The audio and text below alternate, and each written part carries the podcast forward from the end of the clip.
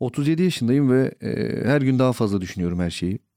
Nereden geldik, nereye gidiyoruz, insanlar hayatla ilgili nasıl bu kadar emin olabiliyor? Benim de dönem dönem inandığım şeyler oluyor ama hiçbir zaman emin olamıyorum artık.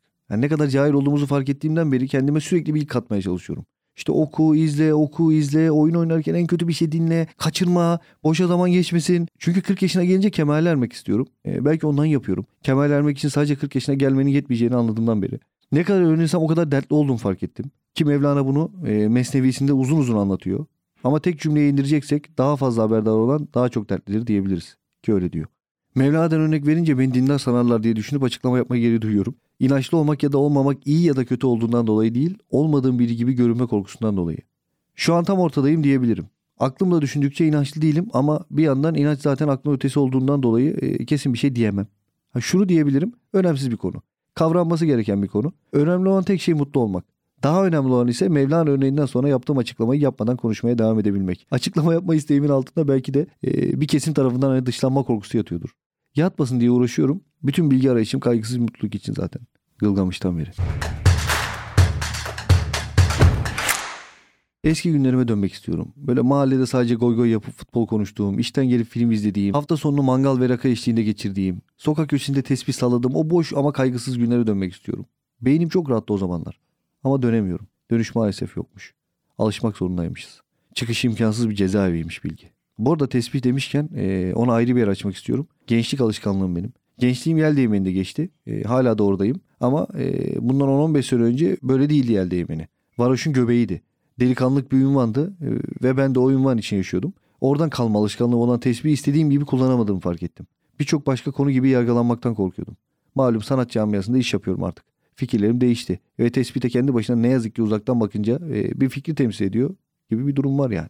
Sanat camiasında dışlanma korkusuyla bastırdığım birçok konudan biriydi tesbih. Kendimi bulma yolunda emin olmayan adımlarla ilerlerken daha yeni yeni yargılardan korkmadan kullanabiliyorum eski dostumu.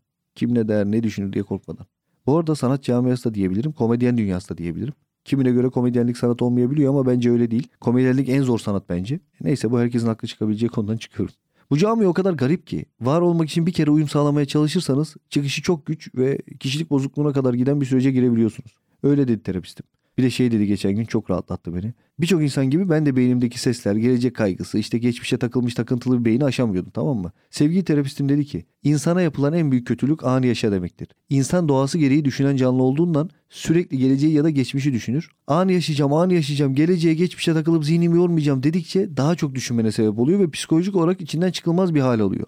O yüzden insan anı yaşamaya odaklı yaşayamaz. Bu mutsuzluk getirir. Geleceği ve geçmişi düşünmenin insana özgü ve doğal bir davranış olduğunu kabul edersen rahatlarsın dedi. Katılıyor muyum, katılmıyor muyum bilmiyorum ama rahatladığım kesin. Buyurun siz araştırın. Eskiden çok severdim onları. O o kişiler var ya o kişileri. Böyle olmuş görünenleri. Uzakta yıldız gibi parlayan o kişiler böyle elbiseler şahane, ortamdalar, sahnedeler, ünlüler, itibarlılar böyle istekleri var. Böyle onları tanıdıkça mı, kendimi tanıdıkça mı nedir bilmiyorum. E, artık sevmiyorum o kişileri. O olanlar beni rahatsız ediyor. Hangi konumda olursa olsun fark etmez. Onlar her yerde. Ünlü, ünsüz, sanatçı, işçi her yerde hiç fark etmez. Böyle çizgileri, kalıpları, inanılmaz savunulan karakterleri var onların. Gelirler böyle yalancı mütevazılıklarıyla böyle selam verirler, otururlar böyle ayakkabıları bir şeyleri takıları böyle sevmiyorum onları. Yine der Mevlana ben kişi oluşu kişi olmayışta buldum diye. E, ben o kişi olmak istemiyorum. Ama bu yol öyle bir yol ki işimi yapmak, sahnede olmak istiyorum. E, bunun için birilerinin bilet alması gerekiyor. O biletlerin alınması için ün gerekiyor. Ün tek başına beni o kişi yapmıyor tabii ki. Ama ün geldikçe yani bu arada ünlü de değilim de ama sonuç olarak belli bir kitlem var. Beni seven, beni destekleyen insanlar var. Benle iş yapmak isteyenler var. Yapmak istemeyenler olduğu gibi. Ve bu yolda ilerledikçe e, o kişi muamelesi yaparak seninle arasını iyi tutmaya çalışanlar peyda oluyor tamam mı? Ya da o kişilerden etkilenip seni de o kişi tananlar oluyor. Diyeceksin ki uzaklaş işte öyle kolay olmuyor. Her yerde her konumda olabiliyor o kişiler ve o kişiyi sevenler. Vazgeçeceğim şeyleri iyi belirlemem gerekiyor. Çok sevdiğim işimi yapmak için o kişi severlere mecbur katlanmak zorunda kalıyorum. Yoksa işimi yapamayacağım kesin. Ortak bir dil bulmak zorunda insan sosyal iş yapıyorsa. Bunlar yine ne olduğu belli. Yani böyle katlanılması gereken kişiler benim tarafımda. Bir de senin o kişi muamelesinden hoşlanmadığını görüp seni aşağı çekmek isteyenler oluyor. Asıl onlarla mücadele zorluyor beni. Böyle elimden geldiğince ve olması gerektiği için tabii e, normal sıradan bir işi kurmaya çalışıp ve bunda başarılı olduğum birçok kişiden ikinci sınıf muamele görmeye başlıyorum. Sadece yumuşak davranmanın cezası bile yetiyor insanı çıldırtmaya. Çünkü insan nefsi ya da işte egosu öyle kolay yenilgiye uğrayan bir şey değil. Daha yaşım 37. E, belki bu şeyleri umursamadan mutlu olmayı başaracağım. Ama bunun için e, daha deneyim ve bilgi akışımı tamamlamış değilim. 60'tan sonra da bunlara takılan bir insan olursam e, o zaman kendime kızarım. Şu an değil. Kendime kızmıyor olmam haklı olduğum anlamına gelmiyor e, bu arada. Erken olgun insan olmak için neden önce sen olmuyorsun Onur diye kendime kızıyorum tabii ki de sizden habersiz. Ama dedim ya ben komedyenim ve bu işi yapmak için yetersiz olgunluğa ihtiyacım var. Neyse şu an olduğum nokta en azından bir şeylerin farkında, bir şeyleri anladığım bir nokta. Az da olsa uygulama çabasında olduğum bir nokta. Tam olarak uygulamaya başladığımda benden hiçbir şey duymuyor olacaksınız. Çünkü olgunluk bunu gerektirir. Bunu biliyorsunuz. Komik olmayan ama derinleşmek adına beni mutlu eden podcast'im son buldu. Yani biraz sonra söyleyeceklerimden sonra son bulacak. Bakalım ikinci bölüm gelecek mi? Yaşadığım içsel sıkıntılar bunu gösterecek. Podcast son buldu ama size yazdığım bir şiiri okumadan da geçemeyeceğim. Şiirin ismi yok. Çünkü şiir sevmem ama yazdım. Bazen vurulup yere düşmüş gibi yatıyorum yere. Yanağımı betona koyup gözlerim açık şekilde hayatın akışını izliyorum bir süre. Sonra öldüğümü düşünüyorum o an.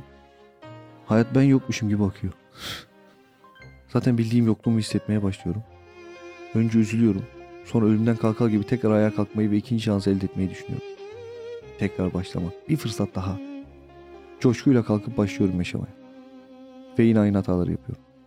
İnsanın canı içinde olduğu sürece doğru karar veremeyen bir canlı olduğunu anlıyorum. İçim huzurla dolu. Yaşıyorum bu hayatı. Galiba Onur Gökçek. Sevgiler.